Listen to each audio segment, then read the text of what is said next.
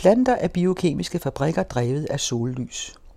Birger Lindberg Møller har en drøm om at overhale den oliebaserede industri indenom og lade planter fabrikere en lang række af vores produkter. Drømmen tager udgangspunkt i hans arbejde med de mange aktive stoffer, planter producerer. Og disse aktive molekyler er også udgangspunktet for denne udsendelse, helt specifikt det stærkt giftige bitterstof cyanid i mandler. Henrik Pretorius har interviewet. Du lytter til Science Stories. I juni var der en lille historie om mandeltræet i medierne. Mandeltræets gener var blevet kortlagt. Og ved at sammenligne gener i træer, som bærer søde mandler, med gener i den vilde type træer, der bærer bitre, giftige mandler, viste det sig, at det er et enkelt gen, som mandeltræet har, som, hvis det muterer, forhindrer det giftige bitterstof i at blive produceret. En af forfatterne på artiklen, der var i Science, er Biver Lindberg Møller fra Plantebiokemisk Laboratorium ved Københavns Universitet. Du var sidste forfatter på artiklen, Biver. Det plejer at betyde, at det er dig, der har styret løjerne og igangsat forskningen, og måske også fundet pengene, og måske også selv har fået ideen oprindeligt, eller hvordan gik det til? I både og. Altså, vi har arbejdet med den type giftstoffer, siden øh, jeg var bachelorstuderende faktisk ved Københavns Universitet i 70'erne. Så det er jo gennem mange år, hvor vi startede med at arbejde med cassava, og så har vi arbejdet med en afrikansk hirse. Og øh, så sker der det på et tidspunkt for 12 år siden, så får jeg en opringning fra Spanien. Det er så Raquel Sanchez Perez, som ringer og siger, hun er mandelavler, øh, og nu har vi opklaret, hvordan at man i hirse laver de her type giftstoffer. Kunne hun så ikke komme herop i et par år, og så finde ud af, hvordan mandeltræet gør det, og så kunne vi bruge den viden til at forædle mandler, som ikke vil producere det her giftstof. Det to års arbejde, det har så taget 12 år, fordi det var meget mere kompliceret, end vi troede. Og øh, vi endte jo, først troede vi, at det var de enzymer, som var involveret i at omdanne en, en aminosyre til giftstoffet, at det var dem, mutationen var, var foretaget i. Og det viste sig, så, at de var helt identiske både i de søde og de bitre mandler. Og så måtte det jo være en styreenhed længere, der regulerede, hvornår de enzymer blev sat i gang og, og begyndte at arbejde.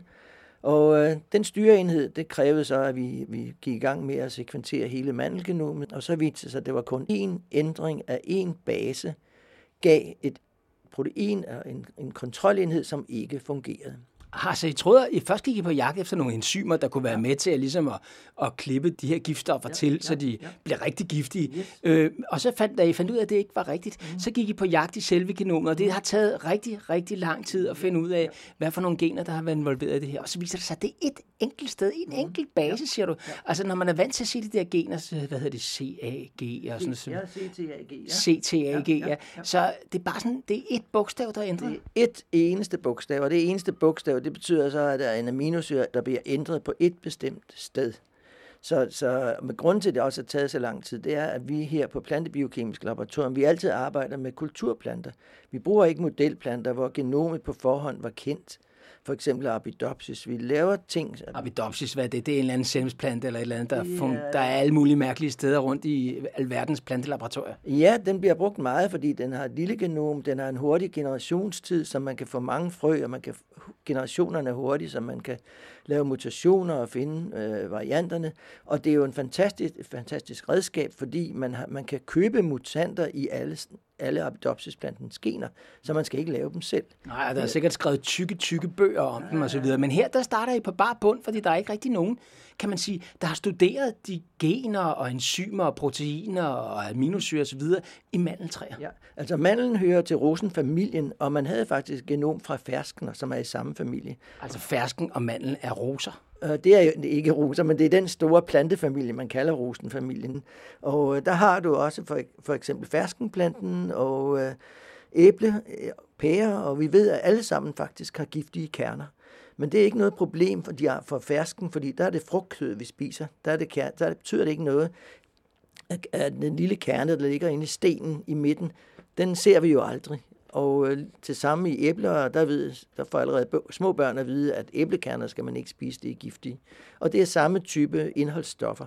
Men i og med, at fersken-genomet var sekventeret, så havde vi jo nogle ledetråde derfra, fordi det er beslægtet, så vi, vi havde en vis viden om genom, forventet genomstørrelse osv. osv. Men der vidste man jo heller ikke, hvad der gav de bitterstoffer. Så den viden, vi har fået nu, den kan bruges på tværs af alle de her, altså aprikoser, som jeg glemte at sige før. Der kan man komme ind og, og se på forædling her. Okay, så I har ovenikøbet sat en ret vigtig bog i hylden her, fordi at øh, det handler om alle mulige andre frugttræer. Ja, fordi med klimaændringerne, der får vi jo en varmere sommer, eller varmere øh, forår også, og det betyder, at mandeltræerne de blomstrer tidligt. Og så sker der jo mange gange det, så kommer der lige pludselig en eller to frostnætter. Og når de blomster bliver ødelagt, så kommer der ingen mandler det år, og så svinger mandelprisen rigtig meget. Så det, man kan gøre nu, det er at se på, øh, øh når vi ved, hvad det er for nogle, vi har hele genombasen, så kan man forædle sig til mandeltræer, der blomstrer senere. Og typisk går man ud i naturen og finder et vildt mandeltræ, som blomstrer meget sent. Og så krydser man det med det søde mandeltræ. Og så får man jo et afkom, som både giver søde og bitre mandler. Men det betyder så, at man skal fjerne mellem øh, en, en, en tredje eller en fjerdedel til halvdelen af sine træer efter fem år, fordi de giver bitre mandler. Og i den tid, der har man så vandet dem og passet dem, og så får man huller i sin mandelplantage.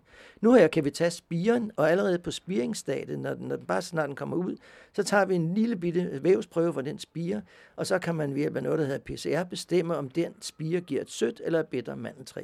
Og det vil sige, så udplanter du kun mandeltræer, som har den søde egenskab, og forhåbentlig også har en senere blomstringstid. Så det, det giver en meget stor lettelse i mandelavlen.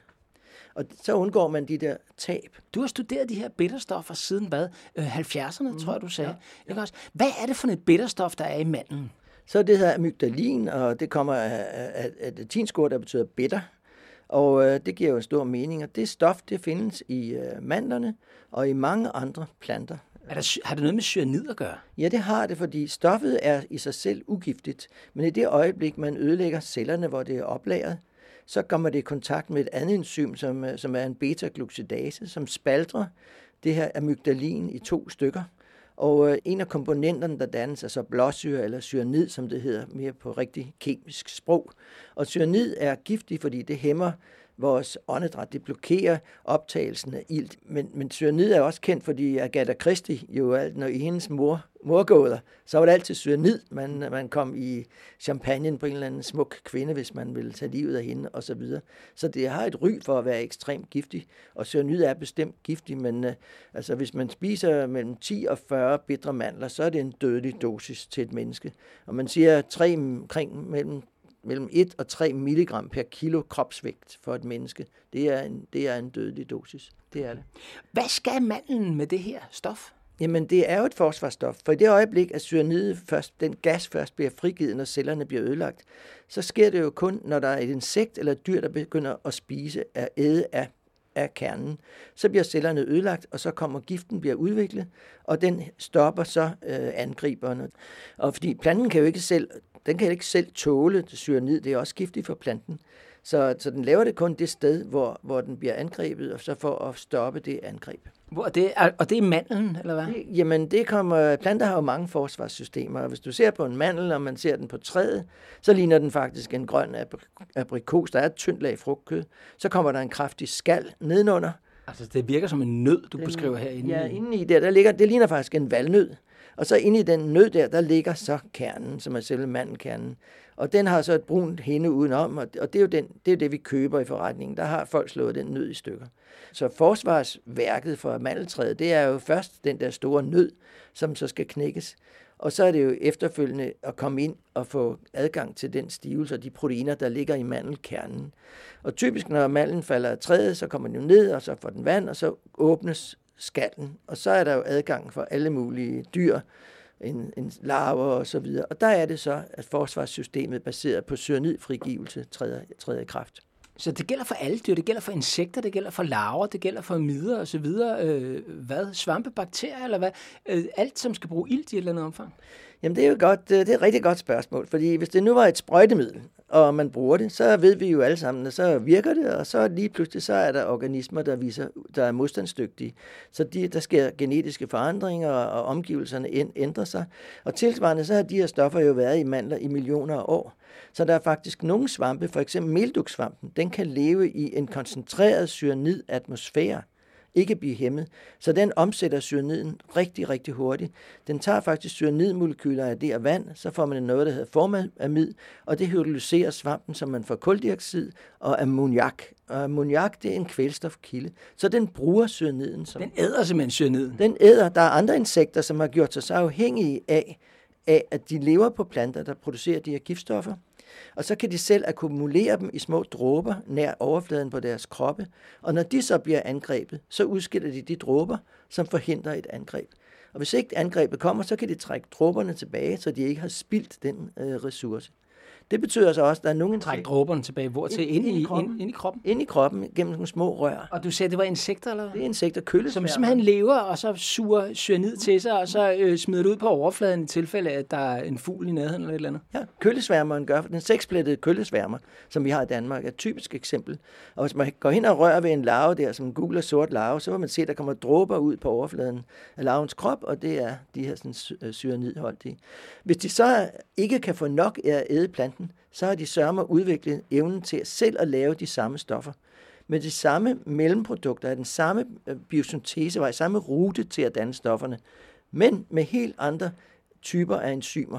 Det er noget, som er udviklet separat i selve insektet. Så det er, det er et fabelagtigt... Øh, der er sådan en krigskamp. Altså, planten laver et forsvarsstof for at forhindre insekter i, eller, eller dyr i at æde den så tilvender og vender omgivelserne til det, og så producerer planten mere, akkurat ligesom vi sprøjter mere herbicid ud, når det begynder ikke at virke, eller andet insekticid. Og så til sidst så finder planten ud af, at nu må jeg hellere lave noget helt andet. Ja, nu. ja, der var lige en kaffemaskine her bagved, som ja, ja. Øh, fandt ud af, at nu skulle den rense sig selv.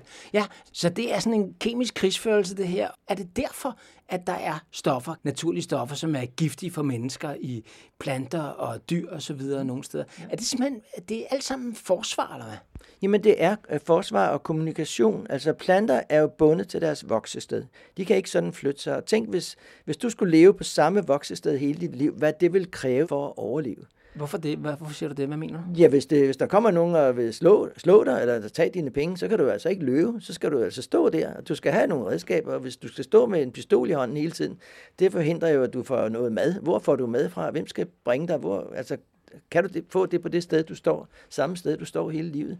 Så der er nogle store udfordringer, og derfor har planter et meget, meget øh, Øh, kompliceret sprog, hvor de kommunikerer med omgivelserne og sig selv, naboplanter, på en måde med artsfælder, på en anden måde med fjender. Og, øh, og, og så den kommunikation, vi kan ikke høre den, men vi kan dufte den nogle gange med duftstoffer, eller vi kan se den med farvestoffer. Så det sprog der, det er det, der interesserer mig rigtig meget. Mandeltræet producerer så det giftstof, der hedder blåsyre, eller ja, ja, cyanid, ja, eller ja, frigirende. Ja. Øh, hvad, øh, hvilke andre øh, giftstoffer er der i naturen, som planter benytter? Jamen, man kender jo mere end 300.000 forskellige, og øh, når vi laver analyser for eksempel af ørkenplanter fra Australien, halvdelen af de stoffer, vi finder, er nye og aldrig beskrevet før. Altså giftstoffer? Ja, eller beskyttelsesstoffer, hvad vi kalder dem. De, bliver, de her naturstoffer eller bioaktive stoffer, de bliver altid lavet af en eller anden grund. Og det kan være for at tiltrække bestøvere, som altså flygtige stoffer, der kommer ud og dufter godt. Det kan for at være afskrække, det er giftige. Det kan også være stoffer, som balancerer stofskiftet i planten. For eksempel øh, cyanogene glukosider, de her giftstoffer, vi har talt om i mandler, de bliver også brugt som kvælstofoplagringsformer, så planten kan nedbryde dem selv og få kvælstof ud af dem, som den kan bruge om dagen fordi om dagen er der jo meget fotosyntese i høj lys. Det er kulhydrater, der bliver fixeret, og de skal laves om til aminosyre. Der skal du bruge kvælstof. Så nedbryder planten de her giftstoffer og balancerer det, og så gendanner planten dem om aftenen eller om natten i mørke. Og nu snakker du om, når manden er spiret. Mm. Altså når nøden er landet og gået i stykker, og manden er begyndt at spire, så, er der, så kan den både bruge det her blåsyre mm. som beskyttelse mod øh, eventuelle angriber, men den kan også bruge det som en kilde til kvælstof. Og det øh, kilde til kvælstof, det kender vi fra NPK-gødning. Det er ættet NPK-gødning. Så den er, den er, der er gødning. Den, er, den, den, kan bruge, den kan lave det om til gødning, hvis den ikke bliver angrebet. Den er indbygget. Mandlen, mandlen har en rimelig stor... Det er de to kimblade, vi spiser, og de er lavet med, med kvælstof og, og, og kulhydrater.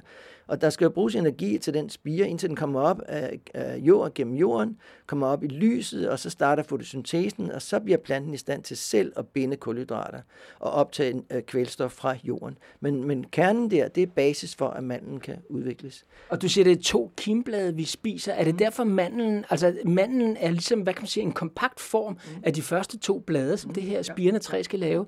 Er det derfor, den splittes i to nemt? Den er nemt ja, flækker ja, i to? Ja, det er lige præcis. Det, det er de to blade? Ja, det er lige præcis de to første.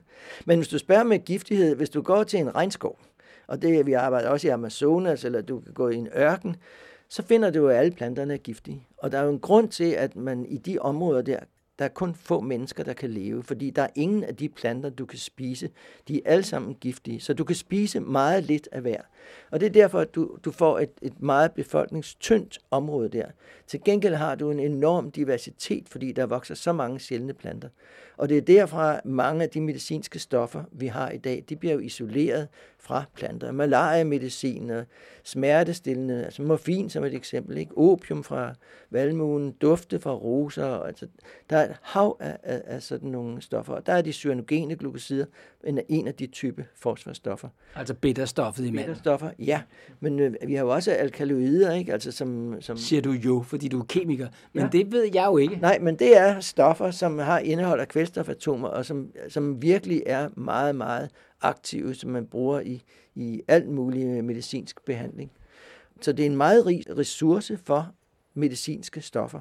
Altså over halvdelen af de der blockbusters, vi har i dag i medicin, dem der virkelig giver milliardindtægter, de kommer fra planter eller afledt. Man har isoleret stoffet der, men så har man lavet typisk et simplere, simplere stof. Så det, der gælder for de her bioaktive stoffer, det er, at de efterligner nogle af de stoffer, vi laver i vores egen krop. De er føjelige, de kan gå ind, og øh, det er derfor, at planter altså jeg sagde, at der var 300 eller 400.000 forskellige grupper af, af, af, af kendte naturstoffer.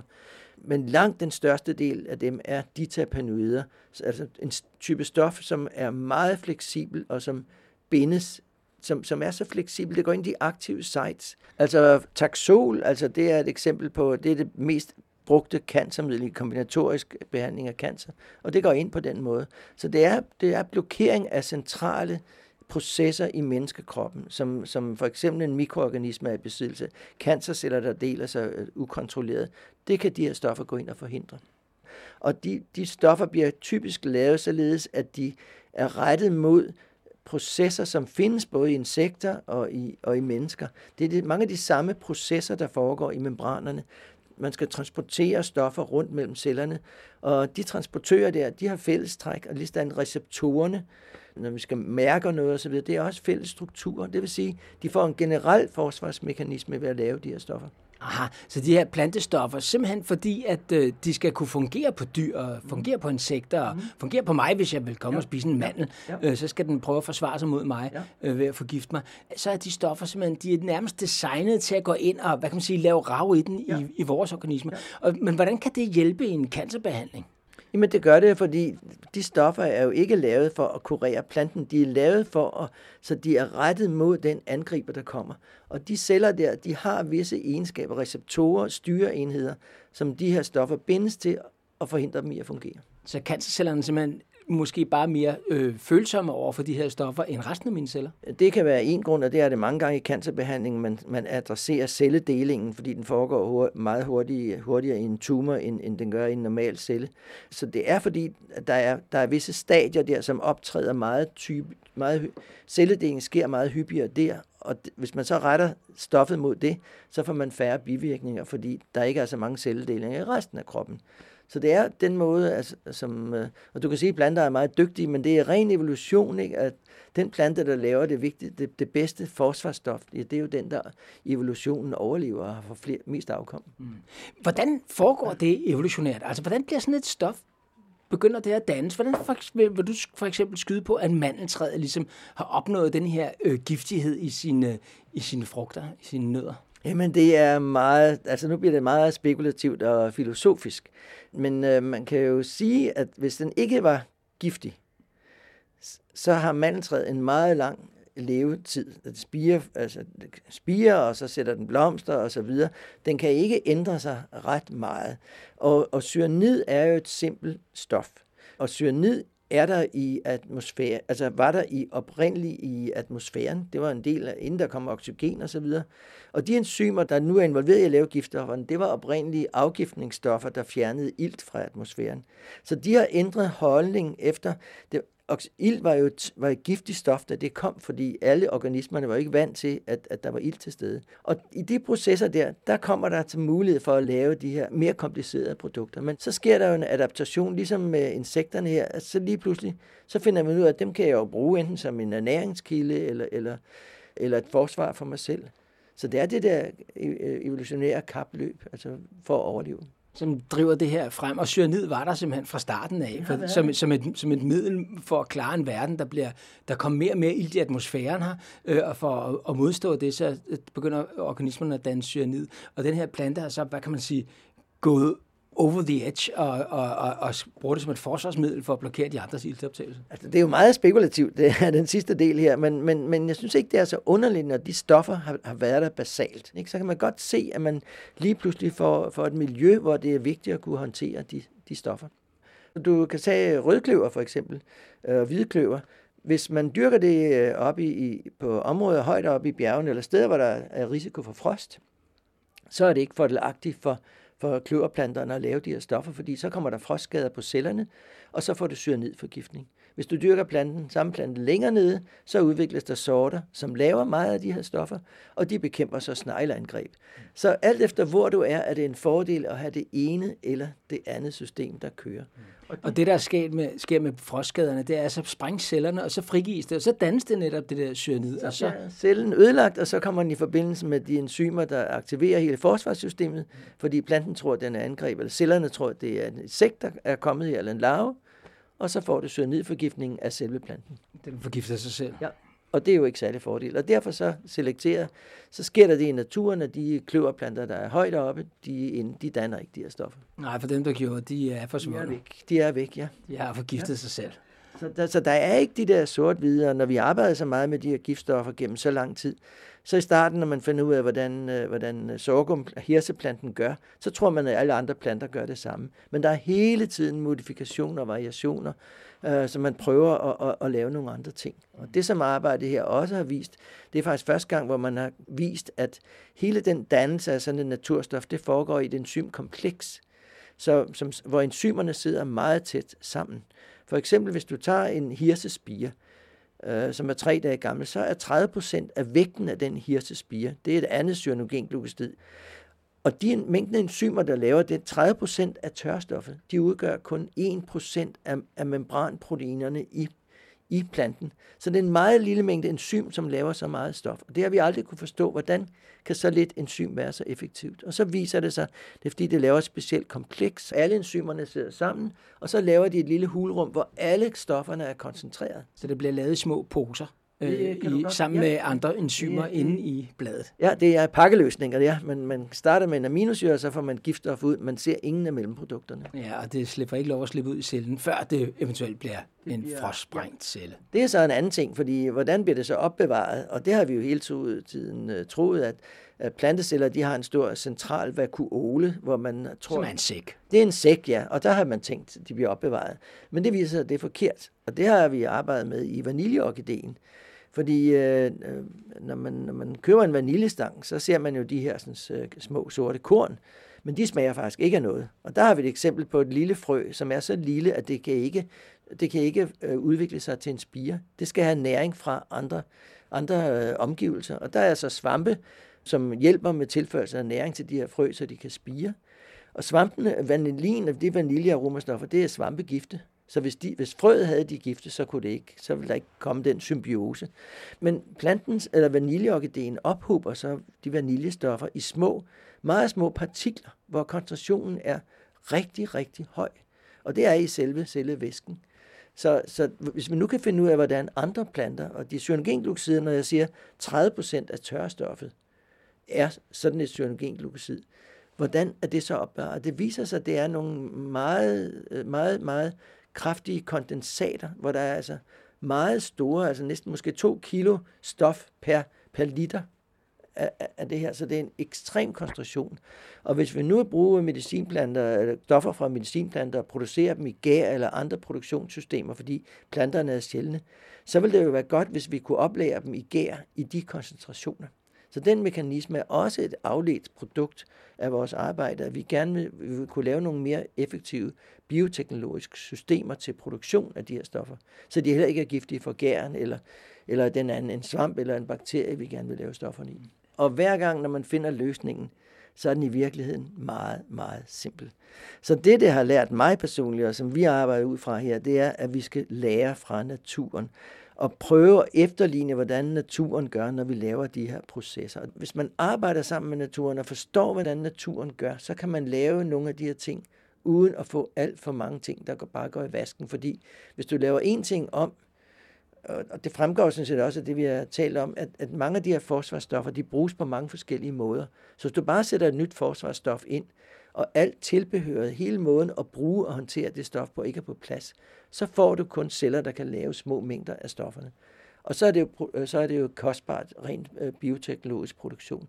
Så vi vil gerne være med til, at vores forskning, det, det betyder, at vi skaber nogle holdbare løsninger til at lave et samfund, som går over mod at basere sig på bioproduktion så vi undgår at producere fra olieindustrien.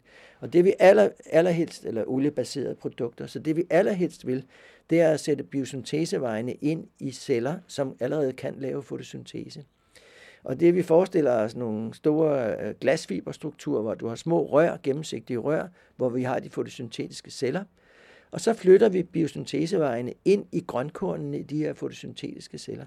Der er en masse energi, sollyset bliver fixeret, CO2 fra luften kommer ind, så du producerer dine stoffer ud fra CO2 i luften, i stedet for, når du laver produktionen fra oliebaserede produkter, så frigiver du CO2 fra luften. Her laver vi et CO2 fra luften baseret system. Det vil tage 10-15 år før, det er lige så effektivt som produktion i andre organismer, fordi igen, så mangler man basisviden om, øh, hvordan det her fungerer. Så det I kan se her, hvordan planterne fungerer som kemiske fabrikker i deres blade, Absolut. ud fra sollys, og producerer de her rækker af forskellige stoffer, ja. øh, for eksempel vaniljesmag. Ja. Jeg tror, det er mere end 80 procent af det vanilje, man køber nede i butikken, måske 90, det er i virkeligheden også lavet af olie øh, i et eller andet omfang. Det er i hvert fald fra det er lavet kunstigt. Øh, hvad hedder det? Din drøm er, at det planterne skal lave det hele, fordi I kan efterhånden begynde at se, hvordan planterne gør, hvordan den kan holde stofferne øh, adskilt fra hinanden og så videre, og, og levere det, øh, når man skal bruge det. Ja, hvis vi kommer tilbage til vanilje, så er 97 procent af den vaniljearoma, der bruges, er, kommer fra olie. Det er under 3 procent, som kommer fra vaniljeorkideen. Og det vil vi jo gerne lave om på og så, når, man, når man så ser, hvad det er for nogle stoffer, planter kan lave, så, og, og vi arbejder med det, vi kalder syntesebiologi, fordi den måde, de stoffer bliver lavet på, det er, for, det er bestemte moduler, som bruges hele tiden. Hver modul kan faktisk fungere i sammenhæng med andre moduler, end lige præcis den celle bruger den. Det svarer til, hvis du ser på elektronik i, i, i komponenterne i en computer, i køleskab eller fjernsyn, så er det de samme komponenter, de er bare de er kombineret på andre vis. Og det vil så sige, når vi ved, hvad de enkelte moduler laver, og det begynder vi at forstå bedre og bedre og bedre, så kan vi se, at det modul her, det har et output, som kan bruges som input til et andet modul end det, det bliver brugt til i selve plantecellen nu. Og så kan vi lave andre afledte produkter. Og for eksempel, når, når man laver et, et medicinstof, så er man jo mange gange interesseret i at lave et tilsvarende stof, som lidt ændret struktur, men det har ikke så mange bivirkninger eller større medicinsk ønsket effekt. Og det kan vi så, i stedet for, når man gør det i, med kemisk syntese, så kan man mange gange starte helt forfra. Her er det bare at sætte et andet modul ind. Så der er nogle af tingene, der bliver meget simplere. Og altså, jeg har en drøm om, at øh, hvis vi skal lave nogle af de her stoffer, så om 20 år, så kan folk også komme med en ny struktur, og så kan den blive lavet i en plantecelle ved hjælp af CO2 fra luften og lys. Så hvad hedder det? Så fremtidens fabrikker, de, er, de har grønne blade, øh, hvis det står til dig. Og sådan nogle studier, som dem I har lavet her i mandeltræet for eksempel, det viser vejen. Altså, ja, det er en lang og det er en kroget vej, men øh, det jeg siger, det er, at vi arbejder ikke mod antrop, som jeg fortsætter den antropocene æra, vi arbejder mod den plantropocene æra, hvor det er planterne, der styrer, hvad vi, hvad vi kan magte og hvad vi kan håndtere. Fordi vi får vores fødevarer, vi får vores biomaterialer, vi får bioenergi, vi får medicinske stoffer fra planterne. Jeg er en plantenørd, men det altså bliver mere og mere realistisk. Og jeg synes ikke, når man taler om, at vi skal have grønne systemer osv., vi har vindmøller, det er super osv., men vindmøller, de laver strøm, eller, eller du kan lave varme, men du fixerer ikke kulstof fra luften. Den her teknologi, der binder du kulstof fra luften, og det er den, det er den kulstofkilde, vi gerne vil bringe ned, reducere, så vi ikke får så, så udviklede klimaændringer. Så, så på den måde, det er igen med back to nature, og lær, lær fra naturen, hvordan gør den, og så byg på det.